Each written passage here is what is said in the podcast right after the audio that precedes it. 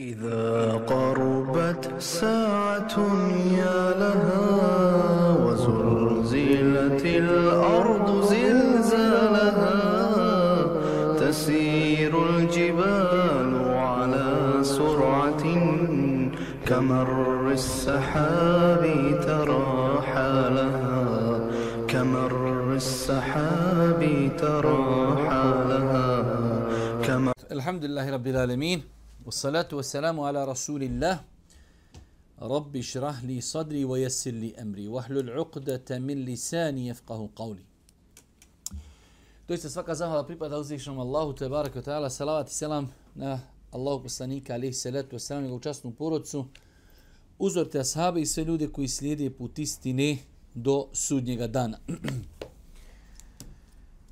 Braćo moja draga, evo nas još jednom času, jednom predavanju, jednom druženju u kojem se družimo sa knjigom Vjerovanje u sudnji dan. Lagano privodimo ovu našu knjigu i kraju. Večeras govorimo oko Bog da o dijelima koja štite čovjeka od kazni džehennema. Nakon toga nam ostaje džennet, opis dženneta i to je tu. U posljednjem dersu smo govorili o nekim interesantnim stvarima. Govorili smo o osobama koji će prvi biti bačene u džehennem, pa smo govorili o opisima različitih kazni u džehennemu, hrana, piće, odjeća, šta će priželjkivati stanovnici džehennema i dosta stvari koje je autor pokušao da uh, spomenu u ovom poglavlju. Zadnja stvar koja se vezuje za kaznu za džehennem jeste treće poglavlje na 407. stranici dijela kojima se štiti od kazni. Znači imamo u islamu dijela koja mogu biti razlogom da se insan Allahovom voljom, njegovim rahmetom zaštiti od kazni. Svakako, eto, skoro pa da kažemo igrom slučaja, iako opet eh, ta sama konstatacija je onaj dijelimično i upitna. Baš sam danas objavio ovaj jedan post iz arhivi gdje sam ukazao na jednu stvar, a to je da ljudi nekada određene hadise, određene ajte pogrešno razumiju. Pa ćete vidjeti, tamo hadis kaže korektnije to i to ući će u džennet. Da li to znači da svako onaj ko to rekne ući će u džennet? Da li to znači da ne treba mimo toga više ništa raditi? Pa smo mi to nekad, sjećate se, ono pojašnjavali na onom primjeru onoga psa, kada ona žena napoji onog psa, pa sad To znači neđe nekog lutalcu, nađemo, dadimo mu flašu, čašu vode, neki doner i evo ga u džennet. Mi neke stvari koje se, da tako sam ja danas i napisao, uh, post koji se podrazumijevaju. Ko kaže to i to, ući će u džennet. Ko uradi to i to, ući će u džennet. Da li to znači ne treba klanjati, ne treba postiti, ne treba davati zeka? Ne, to se, to se podrazumijeva. Ali ovo je jedna od mogućnosti i nagrada kako čovjek može zaslušiti Allahu subhanahu wa ta'ala oprost. S druge strane, ko čovjeku može garantirati da je to njegovo dijelo koje on uradio, za koje je došlo, ko uradi to i to dijelo da će ući u džennet. Ko ti može garantirati da si 100% iskren prilikom činjenja tog dijela, pa da bude kabul i primljeno kod Allaha. Pa zato takva dijela tako treba i doživljati. Pa kada kažemo dijela kojima se čovjek štiti od vatri, to ne znači uradim to dijelo i onda, brate, sutra dole skačem na glavu, pa uradio sam, čuvam se otkazni i tako dalje. Već čovjek treba da stremi, da se trudi, radi što više dijela za koja je došlo, kako u hadisima, tako u kuranskim ajitima, da vode ka džennetu da će počiniocu tih dijela biti oprošteno. Isto tako da se E, da se trudi da radi dijela koja čuvaju i štite od vatri, ali to nikako ne znači uradio sam to dijelo i 100% sam zaštićen, 100% sam sačuvan. To je jedna veoma bitna, hajde da kažemo, uh, jedan bitan temelj koji moramo satiti kada govorimo o ovim pitanjima. Kaže nam autor dijela kojima se štiti od kazne. Islamski su učenjaci pisali o tome zbog čega će na hiretu biti pošteđen kazne onaj koji je zaslužio. Te su se osvrnili na nekoliko dijela zbog kojih će kazna izostati. Znači ima čovjek zaslužio kaznu, uradio nešto prijestup, ali je nakon toga uradio nešto drugo zbog čega je sačuvan i pošteđen te kazne. Pa je prva stvar, kaže, pokajanje. Pokajanje je jedna velika stvar i Allahova milost prema robovima. Znači čovjek može, alaikum selam, čovjek može raditi 10, 20, 30, 40 godina dijela koja ga vode baš u propast. I prokljedstvo i nezadovoljstvo uzvišnog Allaha i tako dalje. Pa čak najgori grijeh je nevjerstvo. Ali Allah i svoje milosti prema robovima, znajući da su slabi, promjenljivi, ostavio mogućnost povratka, teube, pokajanja i da ne budeš pitan za ono što si radio. Na Dunjalku je to veoma teško naći. Na Dunjalku u većini slučajeva kažu dobro u redu, pokajao se, ali da mi ipak obračunamo.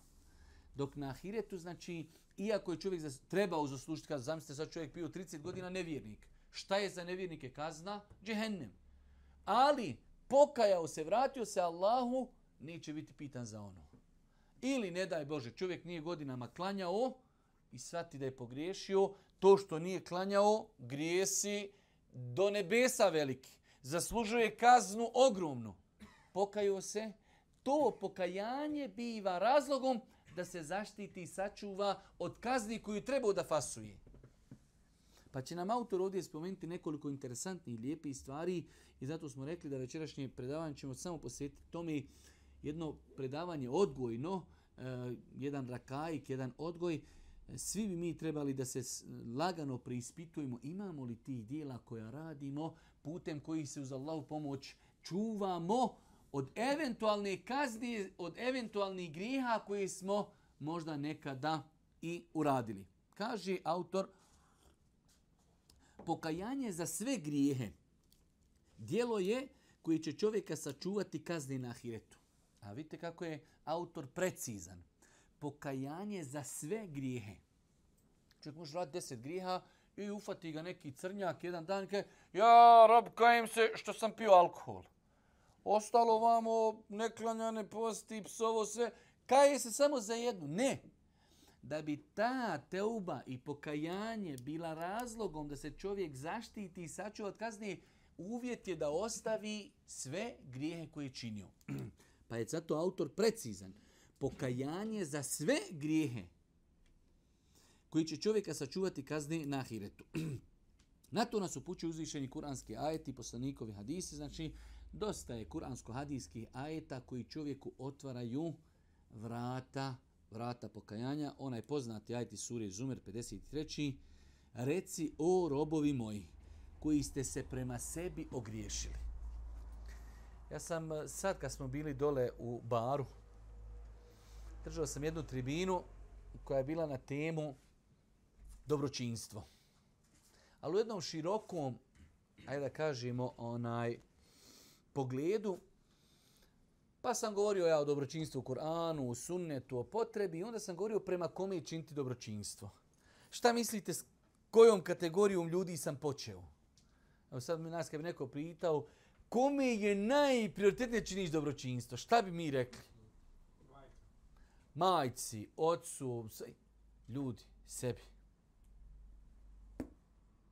Treba se sačuvati. Zato Allah je u Kur'anu ljude kada griješe kaže sebi nepravdu nanosi. Čovjek koji ne klanja Čovječ ide dole negdje nosa pakete po, po, po ne znam nija ljudima čini dobročinstvo, ama sebe ne čuvaš čovječe. Izgori. Prvo sebe sačuvaj. Nemoj sebi zulum činiti. Kad ostavljaš namaz ti sebi činiš zulum. Kad piješ alkohol ti sebi činiš zulum. Jer vidi kako si miskin. Sebi činiš zulum valja sutra ti taj isti da trpiš taj bol. Zbog kazni. Pa insan kad čini grijehe, čini sebi zulum. Pa insan najprioritetniji da sebi čini dobročinstvo. Kako će sebi čini dobročinstvo? Budu i pametan. Nemoj činiti grijehe, radi ono što je naređeno, na taj način si sebi učinio najveće dobročinstvo. Kaže Allah, o roboj moji koji ste se prema sebi ogriješili. Kako se prema sebi ogriješili? Rade grijehe. Čovjek kada radi grijehe, on se prema sebi griješi. Jer Ako si radio grije, neće sutra doći na svoj dan tamo nekoga drugog šibat. Ti, ti koji si to radio, e ti ćeš fasovat. Pa je najprioritetnije da sam sebe zaštitiš. Da budeš pametan, da radiš dijela kako bi izbjegao da ti budeš kažnjen. O robovi moji koji ste se prema sebi ugriješili, ne gubite nadu Allahu milost. Kažu učenjaci, zabranjeno je da čovjek kaže ja sam ugradio grijeh, ne može ga Allah oprostiti. Nemoguće se ja pokajem. La taqnatu min rahmetillah. Nemojte gubiti nadu da si bio od Iblisa 86 puta gori. Može se vratiti. E sad, da li ćeš se vratiti? Da li će ti Allah podariti uputu, to je nešto drugo. Ali može li, prima li se, znate onaj hadis, rodosan čovjek ubio 99 ljudi. Znači, Što ne sad čovjek uđe na vrat, selam, alik, alik, selam. Ja ubio 99 mačaka. Odi vemo da ti mi kažemo, za svaku mačku ćeš iskijat. Čovjek ubio 99 ljudi, brat, to je vod ljudi. Kaže, mogu se pokaja, došao kod nekog pobožnjaka. Kaj ne mere? Stoja! Sto ljudi ubio.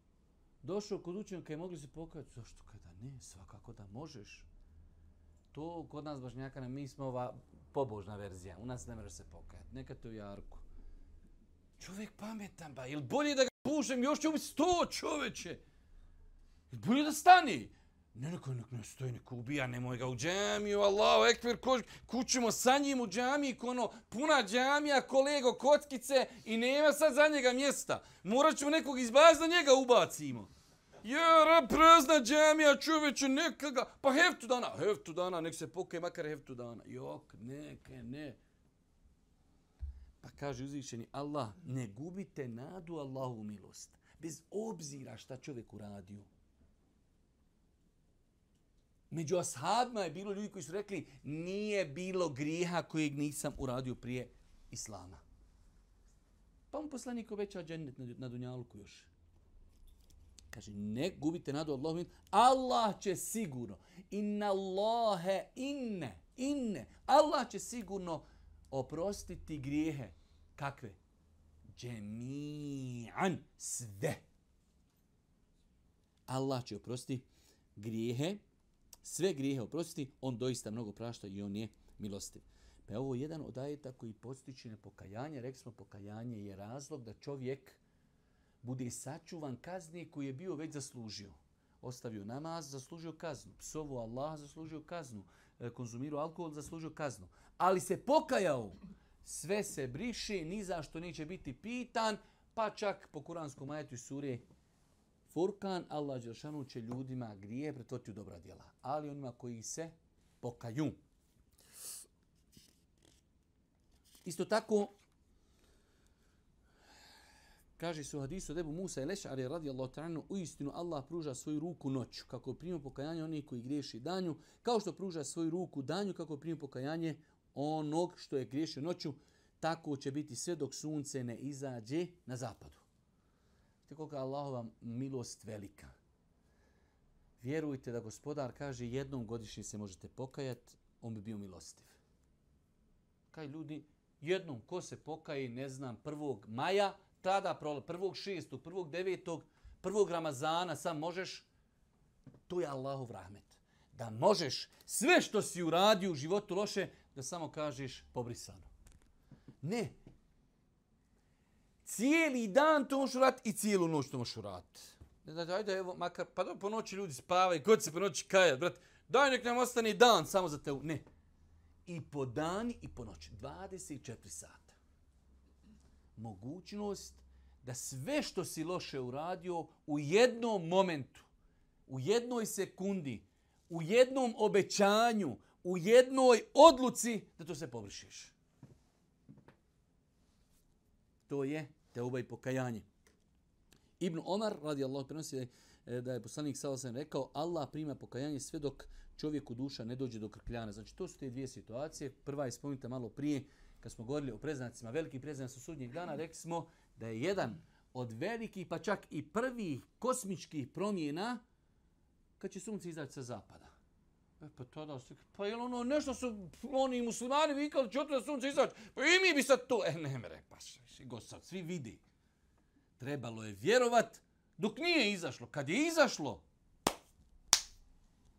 završena stvar. dok sunce ne izađe na zapadu i dok kljuša ne dođe do ovdje. Čovjek došao do ovdje, još pola izašla, pola stoji.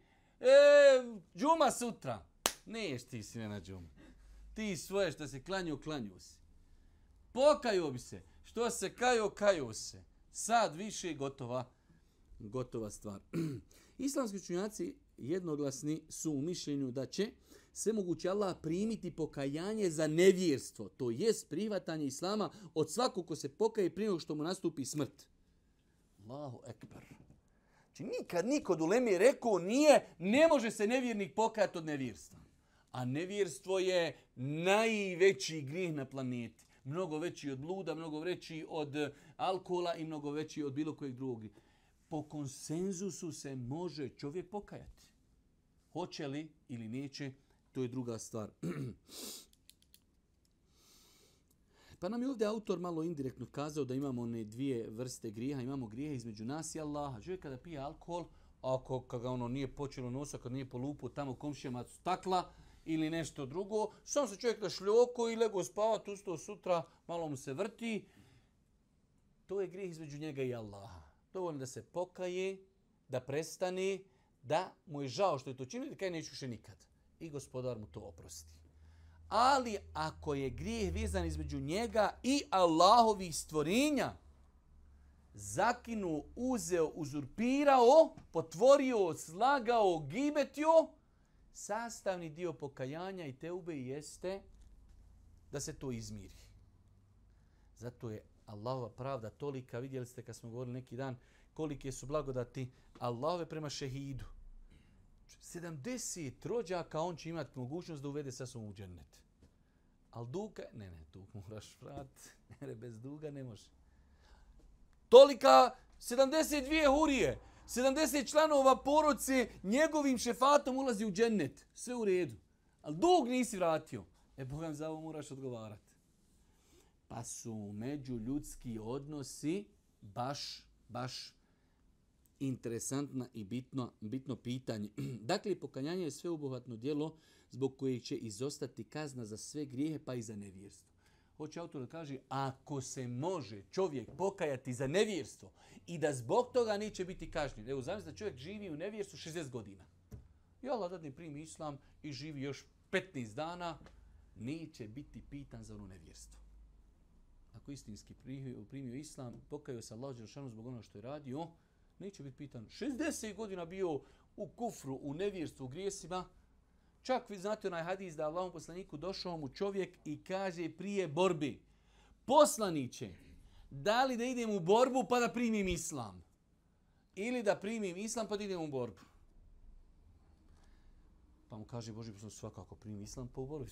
Tamo se ide, brate, možeš ostati bez glavi. Primio islam, ošao i odmah poginuo. Ni jedne sežde učinio nije. Kaže Allah poslanik, radio malo, a zaradio. Radio malo, a zaradio mnogo. Zaradio vječnost, zaradio nagrad šehida. Allah najbolje zna, evo rećemo, primio islam, ošao sat vremena borbe i to je to. Pa znači, bez obzira, ako Allah prima teubu i pokajanje za nevjerstvo, onda da prima teubu i pokajanje i da insana ne kazni zbog grija koje je činio, koji su ispod nevjerstva, svakako da je bolje i prioritetnije. Znači, islamski učenjaci su spomenuli osnovna tri uvjeta da bi ta teuba i pokajanje koja je toliko plodonosna, toliko e, blagoslovljena. Zamislite čovjek, evo musliman, rodio se musliman, 30-40 godina nije išao u džamiju. I kaže, gospodaru, kajem ti se pokajanjem ispravnim i da ga gospodar za to ne pita. To je ogromna stvar. Pa insan treba odlučiti čvrsto da se tome više neće vratiti. Pa vidi, šta ja znam, probat ću jednu heftu, pa ako bude išlo, išlo, ne bude ono, vidi ću, ako me te tamo djego da neki platni spisak stavi, čovjek došao kada se ženio sa ženom heftu dana na viće nakon heftu, dok ćemo i ovako veli, ćemo mi čitav život čekamo da nam neko šta donese, a ne žena veli ne donosi se ništa. Može ti roda donijeti kakav poklon, to je to. Ona je jedna kontala stvarno, ono što ljudi pričaju, pare, pokrivanje, to ide tako. Nema cine ništa. Pa znači treba ostaviti grijeh odma, čvrsto odlučiti, nećemo se više nikad vratiti i pokajati se srcem što sam to radio, što mi je to trebalo. Žao mi je što sam kršio Allahove propise. Allah me obdario i pomogao i dao i obskrbio sa tolikim nijametima, ja mu bio toliko nepokoran. Da ti je žao što si to činio. Te tri stvari kada se inšala ispune, teuba i pokajanje je validno, a rekli smo ako je grije vezan za insana i Allahova stvorenja, materijalne prirode ili neke druge, onda se to mora izmiriti. To je prva stvar. Znači, rekli smo, autor na ovom poglavlju govori o stvarima koji, zbog kojih čovjek, iako je trebao da bude kažnjen, kazna će biti pobrisana. Pa je prva stvar i najbitnija stvar teuba. Druga stvar slična jeste istighfar, traženje oprosta. Traženje oprosta. Kaže autor, uziš, e, vjerski tekst ukazuju na to da je traženje oprosta djelo zbog koji će kazna na ahiretu biti, e, biti pošteđen onaj koju je zaslužio. Vidjet ćete, sad ću vas upita da vidimo koliko procesor radi. Ali su to dvije stvari. Tražiti oprost i učiniti teubu su dvije različite stvari. Pa kaže se ovdje i za one koji se kada grijeh počini i kada se prema sebi ogriješi, Allaha sjeti i oprost za grijehe svoje zamoli. Znači, istikvar je moliti Allaha za oprost. Teuba je, šta je, rekli smo teuba, zaustavi, čvrsto odluči, neću rat i da ti je žao što si to uradio. To je teuba. Ovo je istikvar, uradio čovjek grijeh, ja rab, oprosti mi što sam to radio. Pa insan kada uradi grije i moli Allaha za oprost, Allah Đelšanu obećaje da oni koji iskreno zamole Allah Đelšanu za oprost, neće biti kažnjeni za grijehe koji su radili. Kaže, i za one koji se, kada grijeh počini ili kada se prema sebi ogriješi, Allaha se sjeti. I oprost za grijehe svoje zamoli, a ko će oprostiti grijehe, ako ne Allah. U drugom ajetu surjeni se kaže Allah, onaj ko kako zlo učini ili se prema sebi ogriješi, pa poslije zamoli Allaha da mu oprosti, naći će da Allah prašta i da je milostiv. Pa su ovo argumenti koji ukazuju da insan kada uradi grije, sjeti se Allaha, vidi da je preletio, zamoli, traži. I zato mi imamo problem što ne, razna, ne razumijemo arapski jezik. Kod nas poslije nazad čovjek, subhana, subhana, subhana, subhana, subhana, subhana, subhana, subhana, subhana, subhana, subhana, subhana, on ne zna šta govori. I on kaže, estakfirullah, estakfirullah, estakfirullah, estakfirullah, estakfirullah, estakfirullah, i uključi YouTube i gleda i viće estakfirullah. On ne zna šta viće čoveč. Estakfirullah, Allah, oprosti mi. Pa ovdje Allah Đelšanu kaže, onaj ko kako zlo učini ili se prema sebi ogreši, pa poslije zamoli da mu se oprosti. Ja, rabu, radi se, oprosti mi, molim te, tražim tvoj oprost. Naći će da Allah prašta i da je milostiv. U hadisu se kaže da je Allah poslanik rekao, jedan je rob počinio grijeh, pa je rekao, Allahu, oprosti moj grijeh. Uzvišeni Allah rekao je, moj rob je počinio grijeh. Zatim se sjetio da ima gospodara koji, pra, koji oprašta grijeh i kažnjava za njega. Čovjek je ponovo učinio grijeh i rekao gospodaru oprosti moj grijeh. Pa je Allah rekao moj rob počinio grijeh. Zatim se sjetio da ima gospodara koji prašta grijehe i kažnjava za njega. Nakon toga čovjek je opet počinio grijeh i rekao gospodaru oprosti moj grijeh. Pa je Allah rekao moj rob je počinio grijeh. Zatim se sjetio da ima gospodara koji prašta grijeh i kažnjava za njega. Oprostio sam svome robu pa neka radi šta hoće. U smislu sve dok on budi se borio sa nefsom pa uradi grijeh, pa moli Allah da oprosti i Allah će njemu opraštati. Ovo svakako, mi smo zato specijalci da takve hadice skontamo kontra. Ovo ti znači pogriješio, nemoj gubit nadu, ba pokaj se. Mi idemo kako? Kontra. Kaj, ovo je ekstra, ba treba griješiti Allahu, ekber čovječe sam poslije se pokaj, mirna Bosna. To smo mi, balkanska, bosanska tvrdoglava glava koja sve čita kontra. Mi čitamo latincu u, u, u, u, u pogrešnom smjeru. Pa ako čovjek radi, bori se sa supusti ga, nek se bori, nek se izbori. Nemoj ga odmagati, ne, ne, ne možeš ti, ba čuj. Može ba, vrati se Allahu. Pokaj se, moli Allah da ti oprosti.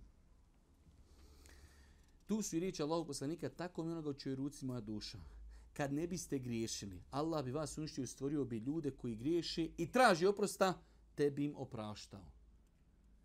Nima nepogrješivih, ali Allah ljude odgaja, ako si već pogriješio robe, traži oprosta, vraćaj se Allahu, Allah će ti oprostiti, ako budeš iskren u svem tom. E sad, dolazi ona kvaka. Šta je to razlika između teube i istifara? Ko zna ne, ima poklon od mene, nisam ga ponio od kuće, ali ću poniti sljedeći put. Evo ja sam sve nacrto, brate, isto, isto šeher, Sarajevo. Šta je razlika između teube i istifara? Danas sam u svojoj kući pitao, niko nije znao. Ajde se, nemo, aj pokušaj. Teuba ima određene uslove. Ok. E, u tom kontekstu da, to jest jedan, ali u nekom da kažemo e, i sama taj istigfar i on ono kad bi onako bio na ecpec peć stokfirla, stokfirla, stokfirla, ono planira već kako ću ići ponovo u grije, nije ni taj istigfar dobar, ali je to jedan sastavni dio razlike. Ali ima jedna da je nazovemo krucijalna. Iako, pazite, istigfar i teuba su u datom momentu jedno je drugo, drugo je prvo. To je u datom momentu pomiješano. Hajde, olakšam. Reci. Nije, nije.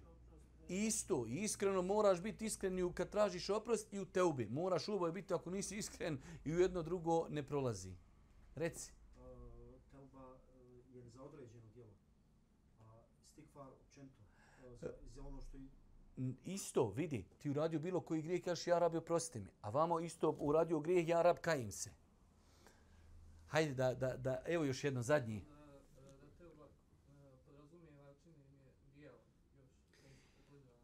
Ne. E, Razlika je u tome da, kaže, istikfar je za prošlost. Zato je došlo malo prije šta smo rekli u Teubi, da to više neću raditi šta u budućnosti. A istikfar, ja rabo prosti što je bilo. Ti ne mreš reći, ja evo prosti mi ovo što... Možemo mi i to. Ali, znači, sam uradio grijeh i moli Allaha da mu oprosti. A kad se kaje, on se kaje za ono što je uradio, ali je teuba dodatno obećanje, neće više to rad gospodaru. Pa je to osnovna i najveća razlika koju učenjaci spominju, e, da je teuba davanje obećanja gospodaru da više to neću nikad uraditi. Da istikvar je uradio grijeh i čovjeka ponijelo, u tom momentu, ja rab da mi samo ovo sad oprošću sam uradio. Bez ikakvih dodatnih, hoću li više tamo vamo, već samo ja rab oprosti mi grijehe. Iako su izuzetno blizu ta dva dijela. Treći e, savjet, odnosno koji autor navodi, od stvari koje mogu biti razlog da budemo sačuvani kazni. Znači, mi cijelo vrijeme noćas govorimo čovjek zaslužio kaznu, ima nešto čime može tu kaznu ublažiti ili, ne daj, ili daj Bože, skroz je pobrisati. Pa smo rekli teuba, istighfar, moliti Allaha, jer vidjeli smo Allah kaže, a ko će oprostiti ako ne Allah? Kad ti oprosti Allah Jeršanu, nema više da odgovaraš za to. Treća stvar su dobra djela. U islamu imamo na više mjesta, kroz više ajeta, kroz više hadisa, da dobra djela sama po sebi brišu loša djela. I zato imate i kuranske ajeta innel hasenati yudhibne sejiat. Poslaniku ali selam je došao čovjek pred sami e, predo Boži poslanik namaz selam i kaže ja Rasulullah radio sam grijeh. Pa kaže Boži poslanik, jesi klanju? Kaže sad sa nama. Kaže jesam. Kaže doista dobra djela, prvenstveno na namaz i druga, kaže brišu loša grija. Pa kaže, je to Boži poslanik samo meni? Ne, kaže, i tebi i svim ostalima. Pa dobra djela, između ostalog, one jačaju čovjeka. Čovjek koji radi kontinuirano dobro djelo, e, ta dobra djela njega i čuvaju. Ali isto tako, u istom momentu ona i brišu nešto što on prija uradio. Pa dobra djela čovjeku donosi dvije velike koristi. S jedne strane povećavaju mu dobra djela i sevape i povećavaju mu deređu. Čuvaju ga jer ti kad si u dobrom djelu, to tebe djelo i čuva. Ali isto tako, u momentu, zato je ono došlo, kaže, ko bude išao u džamiju, stopa, podiže stepen, stopa briše grije. Stepe grije, stepe, mi idemo i gore i dole. Dole prema džehennemu, brišemo. Gore prema džennetu, uzdižemo se. Pa dobra djela brišu grijehe. Pa kaže uzvišeni Allah subhanahu wa ta'ala i obavljaj namaz početkom i krajem dana i u prvim časovima noći. Dobra djela zaista poništava hrđa. Innel hasenati yudhibne sejiat. E sad ima tu govora kod islamskog učenjaka E, i komentara na određene hadise Da li se mogu i veliki grijesi pobrisati? Svakako da je bolje i prioritetnije čovjek za velike grijehe, grijehe se pokaji, a da dijela koja radi ova velika dobra djela, ona će pobrisati one neke manje grijehe koje čovjek uradi možda i zaboravi na njih i nije se za njih ni pokajao. Čovjek kad pije alkohol, on zna, to je grijeh, treba se kajat. Ali imaš neki grijeha, pogledao nešto i uradio si nešto sitnije, to ova velika dobra djela, ako Bog da, brišu. Ebu Zer, radi Allah ta'ala kazao, je, rekao mi Allah poslanik, boj se Allaha ma gdje bio, gdje god se nalazio. Nakon lošeg dijela učini dobro dijelo koje će ga poništiti i prema ljudima se lijepo voditi. Ovdje jasno kaže, kad uradiš loše, nek ti to bude životni moto, uradi dobro. Uradiš se neki grije. Dobro. Ne kažemo da je, da je u redu, ali idem sebe natirati, odgojiti, da uradim nešto dobro, da to ako Bog da zato kaže temhuha, to dobro djelo koje si ti uradio, ono će pobrisati to loše djelo. I to je, to je na kraju krajeva i, i ovaj dunjalički život. Nema čovjeka koji nema grijeha, nema čovjeka koji nema padova, nema čovjeka koji nema slabosti.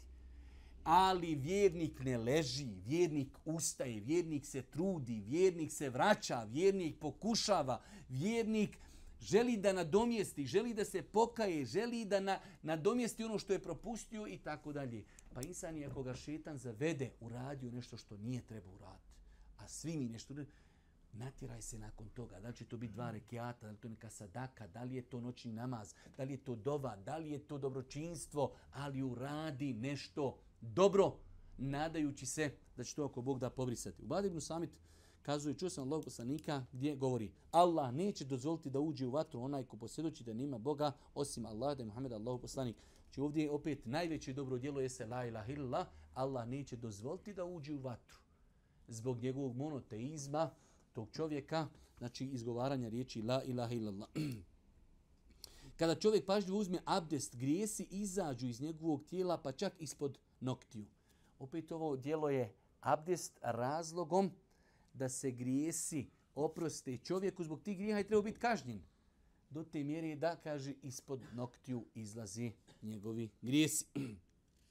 Poznati onaj hadis da je poslanik poredio namaz sa rijekom koja teče ispred kuće nekog od vas, kaže i u njoj se pet puta dnevno kupa. To čoveče i onaj koji ima četiri žene, oboj se više od njega puta kupa. Znači pet puta dnevno se, pet puta se kupa dnevno čist ko od majke rođen. E tako i namaz čovjek, znači ako redovno klanja, taj njegov namaz ga čisti od griha.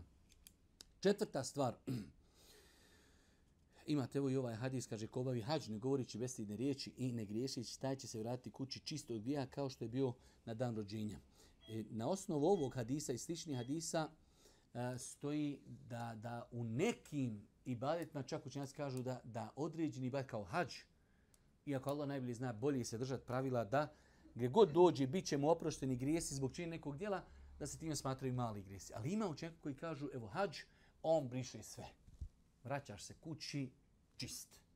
Od grijeha i velikih i malih. Kaže, dova koju upućuju vjernici. Znači, kada ljudi jedni za druge dove, kao što se na dženazi. Kod nas dosta puta ljudi polemišu, kaže, čovjek izvršio samoubistvo, treba mu klanjati njemu treba najviše klanjati. Njemu je potrebnije zašto? Jer je dženaza dova, svi dove da mu Allah oprosti.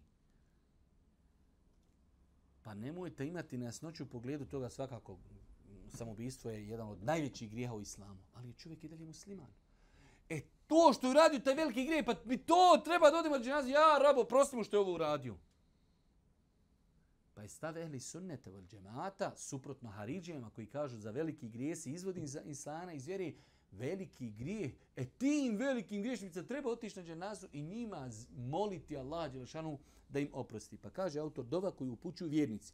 Vjerski tekstovi koji ukazuju na to da je propisano moliti milosti u Allah da oprosti vjernicima i uvede ih u okrilje svoje milosti, definitivno ukazuju na to da onaj za koga se Dova upućuje ima koristi od dovi. Znači, imamo dosta argumenta koji potvrđuju da mi kad dovimo za čovjeka drugog, on skriješio, treba da bude kažnjen. Mi dovimo za njega, Allah mu zbog naše dove oprosti ono zbog čega je bio, trebao biti kažnjen. Allah to nema nigdje. Osim u islamu. Čovjek je izvršio samoubistvo i treba da bude kažnjen. Došli ljudi na dženazu i moli Allah je što mu oprosti i Allah mu oprosti zbog njih. A on pogriješio. Pa je i dova muslimana međusobno jedni za drugi razlog da Allah Đelešanuhu eh, ljudima oprosti. To se koristi u najvećoj mjeri, e, ta korist se u najvećoj mjeri ogleda u tome da Allah ne kazni onoga za koga se dova upućuje i za koga se oprost moli. e ovdje sad on e, govori o tom momentu da insan ne može odgovorno tvrditi. Mi molimo Allah za, za, za naše roditelje, za naše prijatelje, za poznanike, da im Allah Žešanu oprosti. Ali svakako, što reći, evo mi smo dovili i ode on u džennet. Allah najbolje zna da li će Allah primiti naše dove, koliki su njegovi grijesi, da li će to moći se izbalansirati ili ne, ali ostaje da je propisano i pohvalno i lijepo i nađe nazi, i mimo dženazi moliti Allah Đeršanu da muslimanima oprosti grijehe.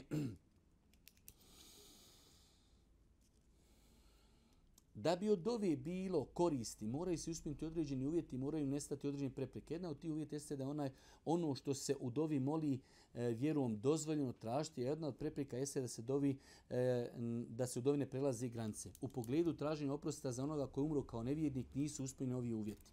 Hoće autor ovdje da kaže doviti za insana koji umro kao musliman. I nažalost, nažalost moramo kazati, nažalost ovaj komunizam kroz kojeg smo mi svi protutnjali, ubio je u ljudima e, spoznaju.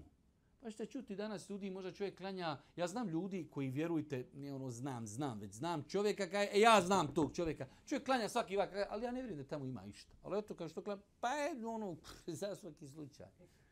Ali ja ne vjerujem da tamo ima išta. Hoće kažem, to su te komunističke, komunističke klice koji su ostale još ko baje po kompirima što se javljaju kod nas zlatice. I tako ti kod nas čovjek, ma sve su vjere, uri sve je domac, kod, bitno je srce, ba kod Boga smo isti i tako dalje. To je katastrofalno nepoznavanje najvećih postulata svoje vjere. Mi ne vrijeđamo nikoga. Allah ostaje ljudima otvoreno, hoćeš vjerovat, hoćeš, nećeš vjerovat, ne moraš biti musliman, hoćeš, hoćeš biti nešto drugo, budi. Ali postulati Islama, Kur'ana i sunneta jasno kažu svi ljudi nakon dolaska Muhameda alaihi salatu wasalam koji ne primije Islam, ne povjeruju u Allaha, ne povjeruju u Kur'an, ne povjeruju u sunnet i umru kao nevjernici, vječno idu u vatru. To, to znači, to je najveći posao. Možete reći, komšija bio dobar u smislu pošten i bio je čovjek uvijek na usluzi, nije mi od njega nikad glava zabolila, mogao sam upo noći, upo dana pokucat da dadni 100 maraka za litar rakije, da se napijem, lik je bio tu stvarno. Ali to ne znači čovječe da, da, da, čovjek, da, da je čovjek na ahiretu prošao. To su dunjalučke dobrote I Allah poslanik kaže, Allah je šanu nevjernicima zbog njeve dobrote daje na faku i rizik na dunjalku. Da kad dođu na sudnji dan nema ništa, kaže, ja rab, ja davo. Davo i dobio si. Završeno. Nema više. Allahova pravda apsolutna. A mi bi dovili za Balaševića i za Đorđe i ne znam više za koga sve ne bi do. Mi smo previše merhametli. Mi smo, u nas je toga baš previše. U nas baš previše ima. Pa je neispravno. Mi dovimo za muslimane, za roditelje, dovimo za prijatelje, poznam za koji znamo da su u životu sa deklarisa kao muslimani umrli na tome. Ajet i Adisi upućuju na to da je potrebno da vjernici moli gospodara svjeto da oprosti i ukaže svoju milost živim i mrtvim muslimanima. Kaže uzvišeni Allah traži oprosta za svoje grijehe i za vjernike i za vjernice. Poslanik kaže traži oprost za svoje grijehe i za vjernike traži i traži za vjernice. Pa je nama naređeno slijedimo Božih poslanika, ali i se letu u sramu drugom ajetu kaže zato im praštaj i moli da im bude oprošteno. Allah žena kaže praštaj im, ali i moli da njima bude oprošteno. E, u suri Hašr Allah Žešanu kada govori o vjernicima kaže oni koji poslije njih dolazi govori gospodar naš oprosti nama i braći našoj koji su nas pretekli u imanu Znači od svojstava mu'mina jeste da dovi za vjernike, da im Allah te barak oprosti grijehe.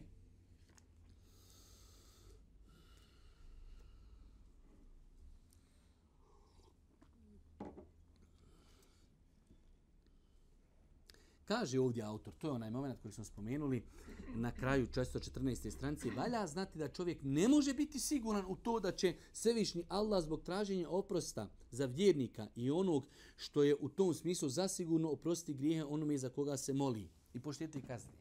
Mi se nadamo, molimo, očekujemo, e, oslanjamo se na to Allahovu milost i rahmet, ali čovjek ne može, kad bi sva planeta za njega dovila, ne može reći, eh vidi, ovaj čovjek njemu će Allah oprostiti zbog dovi. Mi molimo, očekujemo, nadamo se, ali Allahova pravda je apsolutna. Nakon toga, jedno interesantno poglavlje u ovom poglavlju, znači mi govorimo cijelo vrijeme, neko je zaradio kaznu, šta su to djela zbog kojih može ta kazna biti poništena, jeste čak, pogledajte, jedno od tih dijela bilo je dova, mi dovimo. Čovjek nima sa tim ništa. On zaradio kaznu, mi molimo Allaha da mu Allah oprosti i Allah mu zbog nas oprosti. E sad, ima jedno veće poglavlje, čovjek umru. Završena stvar. Ali ljudi rade dijela za njega. Njemu se vape daju i on zbog toga zasluži Allahu oprosti milost. To je doista savršenstvo i vjeri, savršenstvo i pokazatelj ljepote vjeri islama. Vjerski tekstovi ukazuju da nagrada, odnosno kazna slijedi za ono što čovjek uradi. Hoće prvo da autor nam postaje jedno veliko pravilo, osnova je u islamu, ti ćeš odgovarati za svoja dobra djela i bit ćeš kažen za svoje grijehe. E sad, opet Allahova milost je, nećeš biti kažnjen za tuđe grijehe, a mogu tuđi se vapi tebe da spasi kao što se znači dobra dijela pišu minimalno 1 10 grije se pišu 1 1 i ovdje nećeš odgovarati za tuđe grijehe a možeš imati korist od tuđih sevapa. Te kako je Allah pravedan i milostiv. Kad god su u pitanju grijesi ne ne ono što se radi toliko dobije. 1 1 dobra dijela pišice 1 10 čak šta viši čovjek umro bio dužan. I to čovjek koliko je bio dužan? Hiljad maraka. Tu vrati drug, on nije griješan zbog tog svog duga. Uradio nakon njegove smrti dijelo koje njemu koristi. Da nije za njega on to vratio, Boga mi valja odgovarati na sudnjem danu. Pa je neko nakon njegove smrti uradio dijelo od kojeg on ima koristi. Čak hađ, čak post, čak dug, sve te stvari kad se uradi za Mejita, on ima od toga koristi.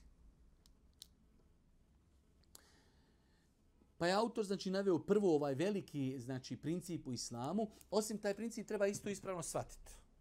Kad kažemo čovjek neće odgovarati za tuđe grijehe, misli se tamo neko radio grijeh, ti ništa odgovara za njega. Ali, ako si ti bio razlogom da mu radi grijeh, e, Boga mi hoćeš. Šta to znači bio razlogom?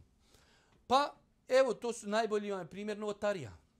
Izmisliš ti neku novotariju, bilo ti dosadno, sjediš, ležiš po dana na trbuhu, okreni lijevo, okreni desno, izmisliš ti neku novotariju. Svi koji budu radili tu tvoju novotariju, ti, ti za sebe kažnjavaš se. Ali ćeš ti biti kažnjen, on će biti za sebe, ali ćeš ti biti kažnjen što si to proširio u narod.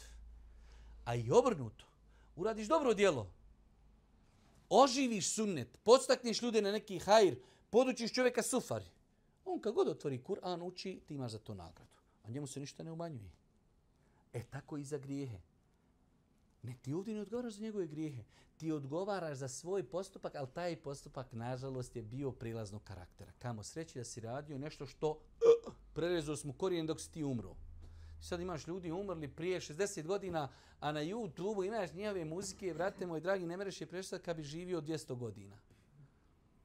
I kogod tamo plikni play, i njemu tamo broji, ali onaj crni brojač. Kako god neko klikne play, onaj se tamo upali.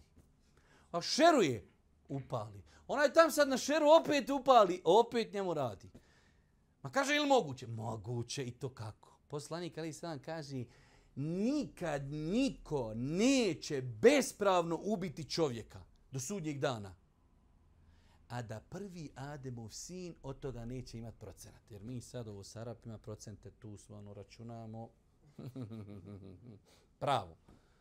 Znači, pazi, čovjek tamo neđe sad u nekoj Americi, u Africi ubio nekoga, O, loza, kad je on vidio od svog, ovaj, svog, ovaj, svog, sad 300, 400, 600, 800 godina tamo unazad, to po onama ga ima, nema te tehnologije. Ima sine tehnologija. Do Ademovog sina i tamo i njemu kapne jedna kapljica. Op, evo ga, kaže, i njemu još onaj, njegov, onaj, konto, ali onaj konto što ide dole, kapnemo još. Gdje god neko ubije, zato on prvi, na planeti prvi. I cijela planeta, od koga su naučili? Pa od njega. Kogod to uradi, njemu tamo dođe, sve kapa, kapa, svima pomalo ide po jedna kapljica. Procenat. Ljudi se uvezali. Mrežni marketing. Tup, tup, tup, kapljica i njemu dole zadnjim još jedna kapljica. Idemo drugi, čekaj, opet neđe u Africi, neko nekog ubio, tup, kap, kap, kap, kap i do njega opet kap. Jadan ti kruh. Šta je tu i kapljica? Zato budiješ pametan da i za sebe kad umreš da su repovi svi srezani, da te spustite u kabor. Ako ljudi neće od tebe učiti sufaru, nemoj da od tebe šeitanluke nauči. Ako više kad te strpe kao, ovaj ne postoji nilu. Od njega vidli dobra nikakva, ni zlo. Ti si, brate, sam nek ti neka kapao. Tu instalacije i vodoinstalacije i vodoinstalateri ne mogu zakrpiti. Tu ako se nosiš da kapa, jedan ti kolač. Ne znaš dok će kapat dok to ljudi prestanu raditi. Kaže, rekao je Allah poslanik, ko uvede u islam lijep običaj, imat će nagradu za to i nagradu oni koji ga budu prakticirali, a njihova se nagrada neće umanjiti. Ovdje se misli ko oživi dobro djelo koje je zapostavljeno islamu. Ovo, to što mi znamo opet ono u kontrapravcu skonta što niko na planeti nije skonto, ovdje se ne misli izmišljanje lijepi novotarije. U islamu nemaju lijepi novotarije, to naučite. Znači, onaj koji govori po, ne govori po hiru sume, on kaže ko u našu vjeru, vjeru uvede nešto što joj ne pripada, bit će odbijeno. Kullu bid'atin dalale. Ali vjerujte da je interesantno kako insan nekad može taj svoj, da kažemo, razum e, poniziti. Poslanik tu kaže, svaka novotarija je zabluda. Kaže, ali imaju lijepe. Ja, rab. Ja, rab. Haj, haj ga sad skonta. Poslanik koji ne govori, poslanik mogu reći novotarije vode u zabludu. I tada je pa dobro, jes, neke vode, neke ne. Ne kaže, sve novotarije su dalalet. Ali kaže, ima i dobri. Ja, latu, dragi. Pa zatvori uši, čoveče, promahati odnijela mozak, gdje si čoveč. Fino piše, svaka. I svaka vodi u dalalet i svaka vodi u vatru. Ali ima i dobri. Pa čoj to vjeruj u munjevitom Juriću, nema onim crtićima.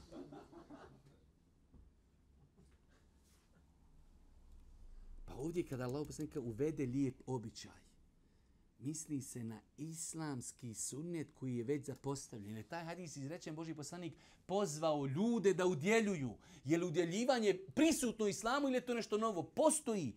Pa je poslanik pozvao ljude da udjeljuju, pa prvi čovjek kad je donio Boži poslanik, e, ovaj oživio sunet udjeljivanja i izrekao ovaj hadis. Pa oživjeti sunnet koji je nepoznat u ljudima, čovjek će zato imati nagradu, pa kaže Allah poslanik, ko uvede u islam ružan običaj, ponijeće grijeh zbog toga, kao i grijehe onih koji ga budu prakticirali, a njima se neće od tog grijeha ništa umanjiti. I evo kaže Allah poslanik u ovom hadisu, 611, hadis bilježi imam Buharija, za svako nepravedno ubistvo sin Ademov bit će griješan jer je on prvi koji počinje ubistvo. Kako god je vjera lijepa, toliko je precizna, toliko je savršena.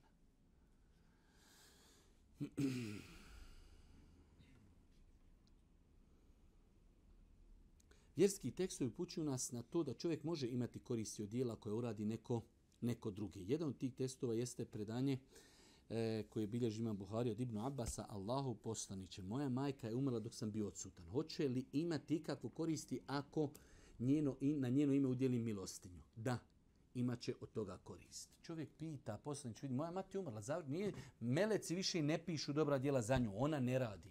Ali ako ja uradim kao živi rob, dijelo za nju. Hoće li odkoristiti? Kaže, hoće. Tako je došla žena, pitala za pust. Pitala žena za hađ za svoga oca. Kaže, obavi za njega hađ, imaće korist. Vrati dug, imaće korist. Jer insan bi zbog tog duga trebao da bude kažnjen. Neko živ za njega uradi to dobro djelo, on će, ako Bog da, od toga imati koristi.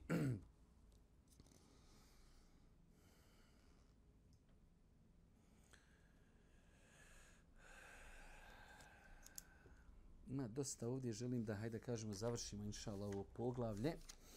Zauzimanje za velike griješnike. Mi smo o tome govorili, nećemo mnogo detaljca, Znate da je bilo ovdje e, poglavlje jedno posebno u kojem je prije nego što dođe znači e, do prelaska preko sira čuprije ima i zauzimanje šefaat, pa smo rekli da imaju vrste šefata, da se zauzima Boži poslanik, zauzmi se poslanici, zauzmi se meleci.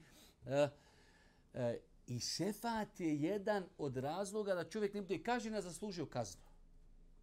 Čovjek zaslužio kaznu, a evo rekli smo sad malo prije spomenuti šehid. Šehid će imati pravo da se zuzme za 70 članova svojih poroci. Možda čovjek zaslužio kaznu, ali šehid kaže gospodaru, zauzima se za ovog svog rođaka, pa bude spašen njegovim zauzimanjem. Pa je i zauzimanje šefat za ljude koji su grijehe činili, ali u granici šta? Muslimani, monoteisti, ali su trebali biti kažnjeni, imaju više grijeha od dobrih dijela, pa se pa ih spasi nečije zauzimanje. Da li će to biti zauzimanje poslanika, da li će biti šehida, da li će melika e, eh, ili čak i vjernika, jer smo rekli, znate da je došlo u hadisu, da će vjernici reći gospodaru, ne vidimo neke ljude koji su bili s nama na Dunjalku, bili u džihadu, bili u namazu, bili u postu, nema ih. Idite, kaže, tamo gdje ih nađete, izvedite ih.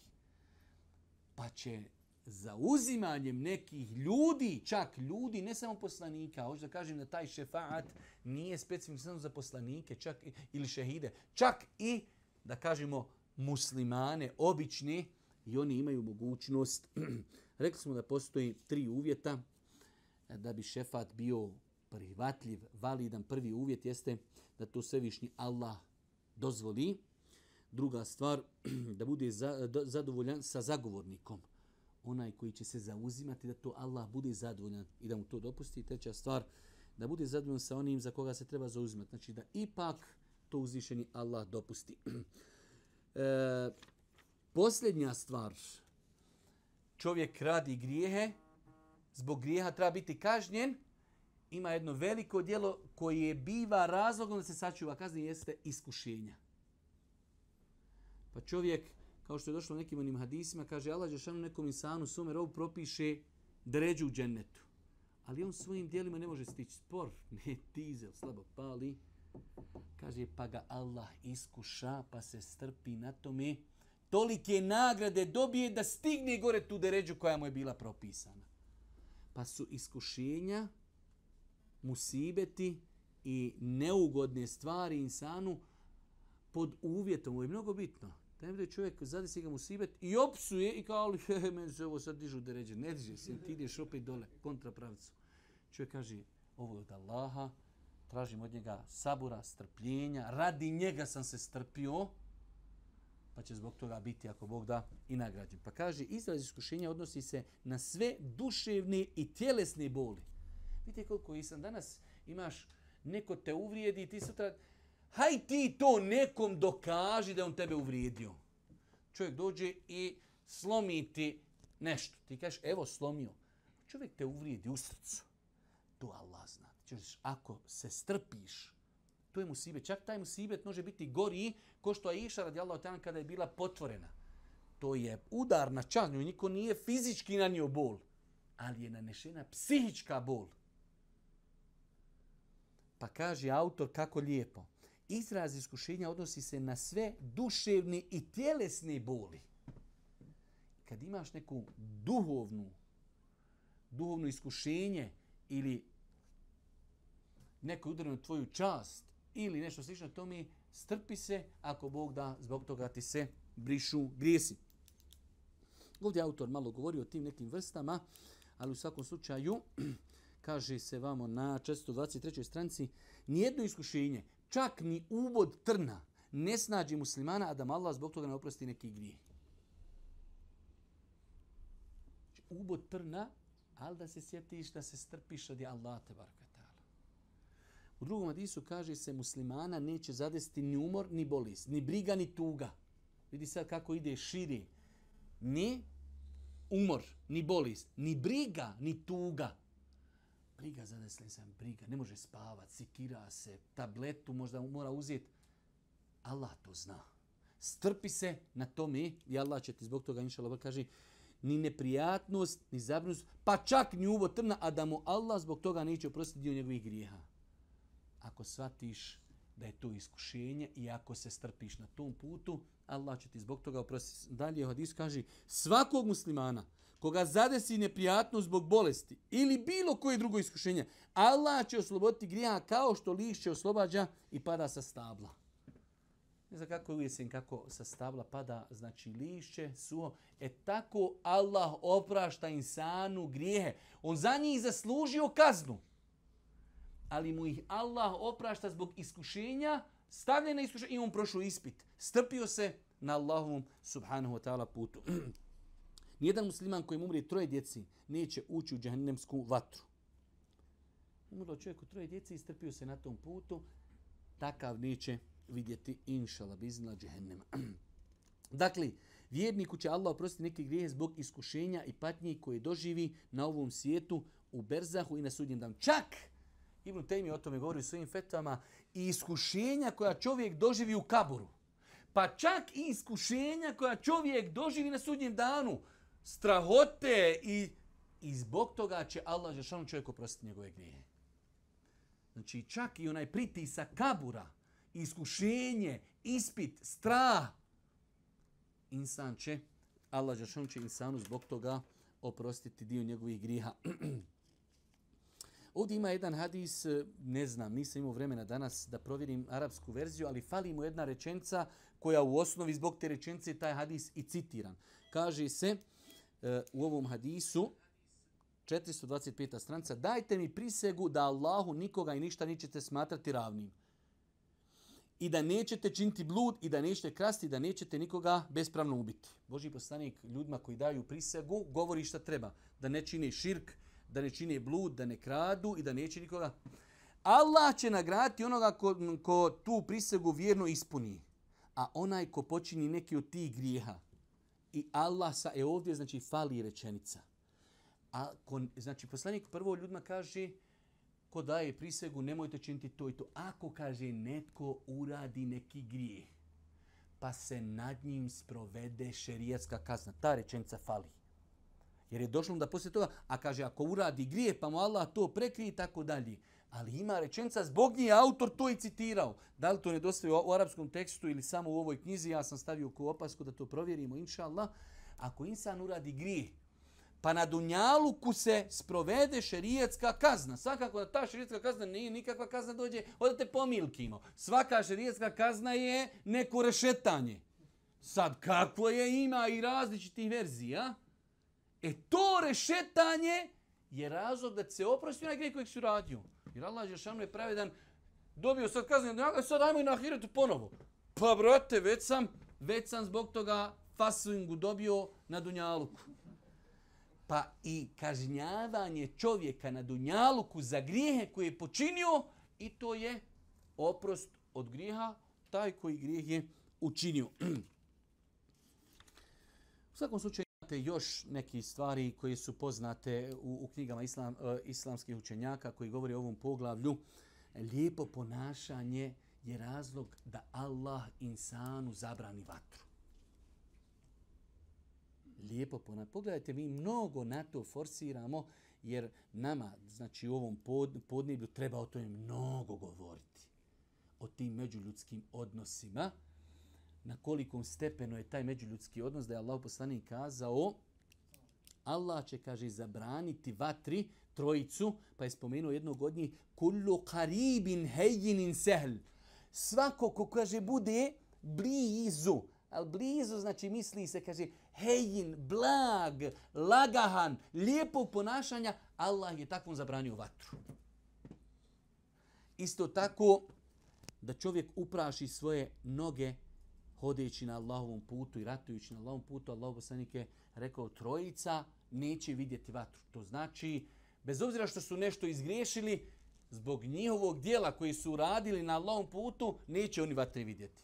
Pa je jedan od njih čovjek koji je uprašio svoje noge ratujući na Allahovom putu.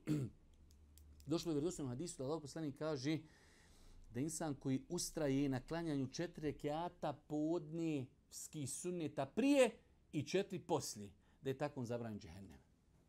A Kod nas ljudi spočnu mi raz kosa. Pa mi naučili četiri prije, dva poslije. Pa jesmo, ali nije to jedina verzija u islamu.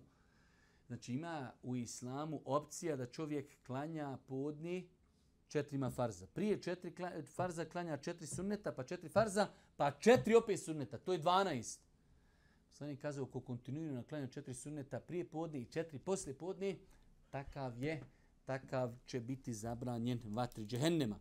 I zadnja stvar, interesantna stvar, potreba na vas svima danas, pogotovo u životu društvenih mreža, interneta, kaže tri vrste očiju neće vidjeti vatru. Znači, bit će im oproš, bez obzira što su i zaslužili kaznu, jedan od tri trojice jeste, kaže, وَعَيْنٌ غَضَتْ مِنْ مَحَارِمِ اللَّهِ oko koje se čuvalo od onoga što je zabranjeno. Znači, čuvati pogled danas je veoma teško. Ali insan kad shvati kakva je velika nagrada, da je Allah Žešanu obećao oko koje bude čuvalo muslimane i oko koje bude plakalo iz straha od Allaha i oko koje je obaralo pogled, čuvalo se od ona što je zabranjeno, Allah će takvim očima zabraniti vatru. Allah te baraka molim da nas sačuva, da nas uči na putu istini, da nam bude milostiv na sudnjem danu. Na kraju subhanaka Allahumma wa bihamdika ashhadu an la ilaha illa anta astaghfiruka wa atubu ilaik.